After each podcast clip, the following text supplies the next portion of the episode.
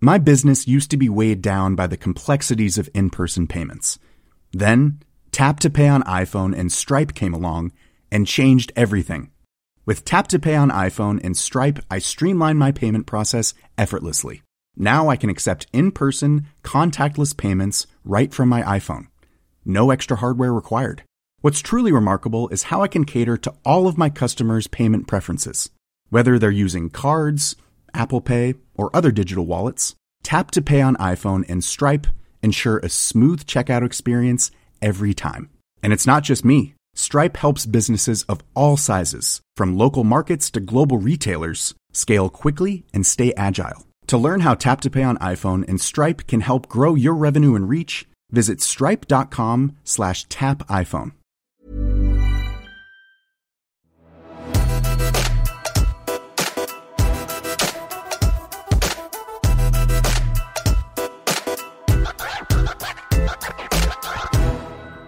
Jeg må snakke litt om eh, nerver, nervøsitet, bedrageri. Og da tenker jeg på bedragerisyndromet. Eller fenomenet imposter syndrome. I dag så har jeg egentlig kjent på alt.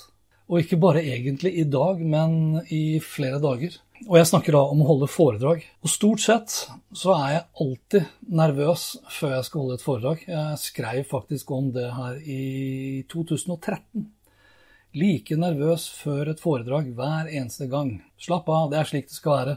Det er når du er nervøs at du er skjerpet, og det er når du er skjerpet at du leverer et godt foredrag. Og det er jeg nå fortsatt helt enig i. Og jeg eh, gjør jo da mitt beste for å være godt forberedt før jeg da skal holde et foredrag. Nå var Jeg skal ikke si at det var et unntak, men nå har kanskje nervøsiteten eh, nesten tatt overhånd. For én ting er å bli venn med det å være nervøs. En annen ting er når ikke du klarer å kontrollere det, at det rett og slett da tar overhånd. Og når det da tar overhånd, og i tillegg da eh, blir utfordret av dette bedragerisyndromet. Altså at du skal bli avslørt, at du ikke du kan det du holder på med.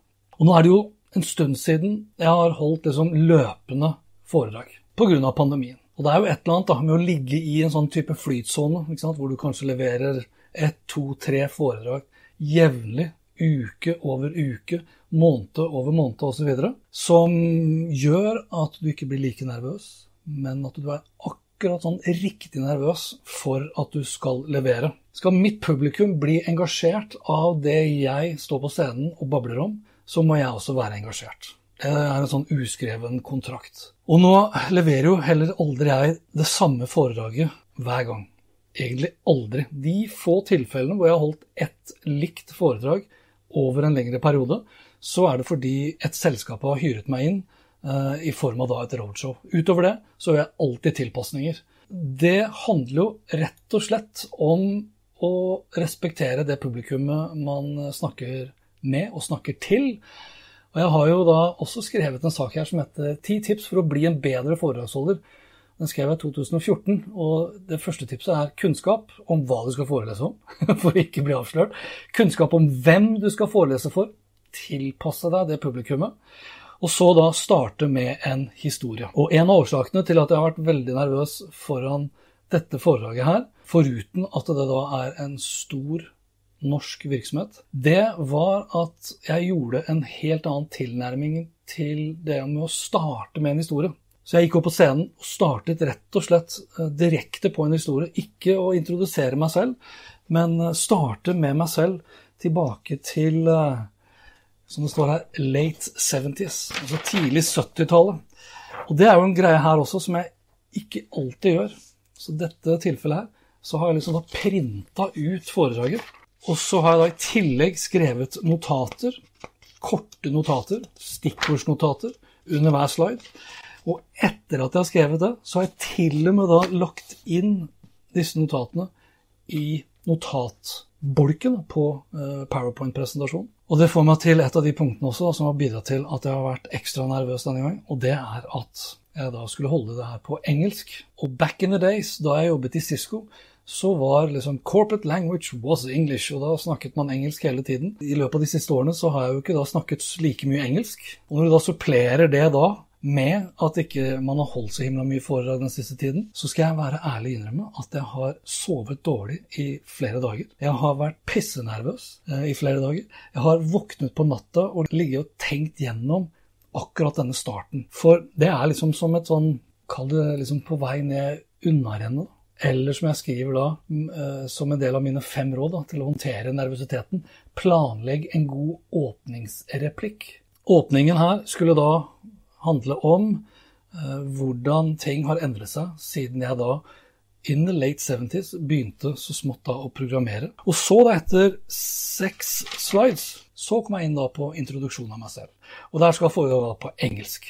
Så jeg står opp grytidlig fortsatt pissnervøs, leser meg gjennom alle slidene, åpner opp laptopen, går gjennom alle slidene, mekker meg kaffe, pakker ned sakene, kommer meg ut øh, og inn i bilen. Og for å forsikre meg om da, at jeg ikke skal bli så ytterligere stresset av dårlig tid, altså er jeg tidlig ute. Kommer frem og er tidlig ute, og det som da treffer meg, det er jo da sånne utfordringer som man da overhodet ikke liker. Og det er da utfordringen med presentasjonsvisning. Og det skrev jeg faktisk da også et innlegg på hanspetter.info i 2018.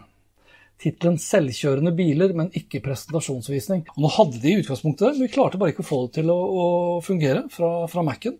Eh, så etter mye frem og tilbake, da, og det begynte å da bli liksom under ti minutter til jeg skulle på scenen, så uh, fikk vi bare ført over powerpointen til deres uh, PC, og så fikk vi det her til å funke det adder jo på da selvfølgelig nervøsitet. Så når det da er fem minutter igjen, så må jeg da liksom løpe ut på toalettet. Jeg må bare tisse på nytt, og da har jeg tissa flere ganger allerede.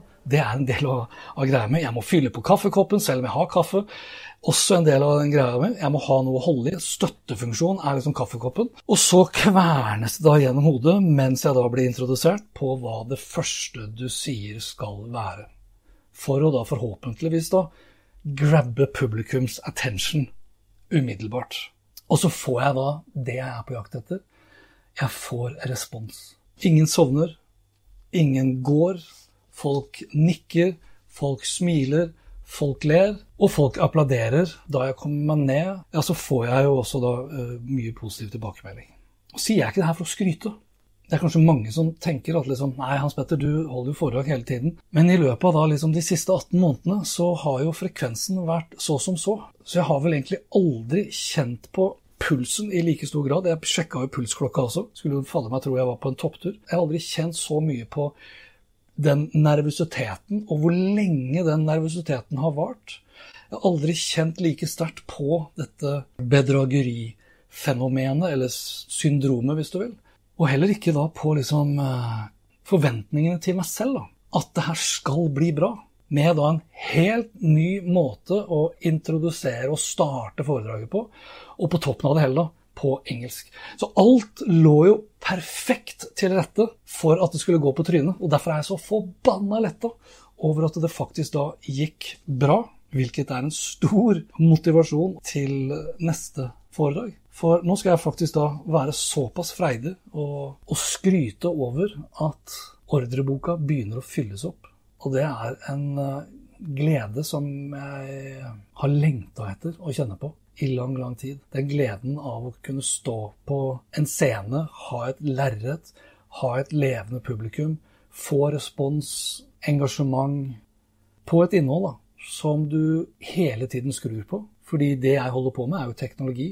Og hvis det er et område i dag i verden som bidrar til alle disse endringene vi ser, ja, så er det jo nettopp da teknologi og teknologiutvikling og digitalisering og innovasjon og disrupsjon og det ene til det andre. Så derfor er aldri mine foredrag like. De tilpasses den tiden de blir levert på, men ikke minst da, de tilpasses også det publikummet jeg snakker til og med, den bransjen de er en del av, og selvfølgelig da hvorvidt de er toppledere, mellomledere, utviklere, selgere, kundeservicemedarbeidere, you name it. They shall have it.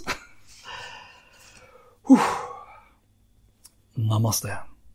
Snakkes, da.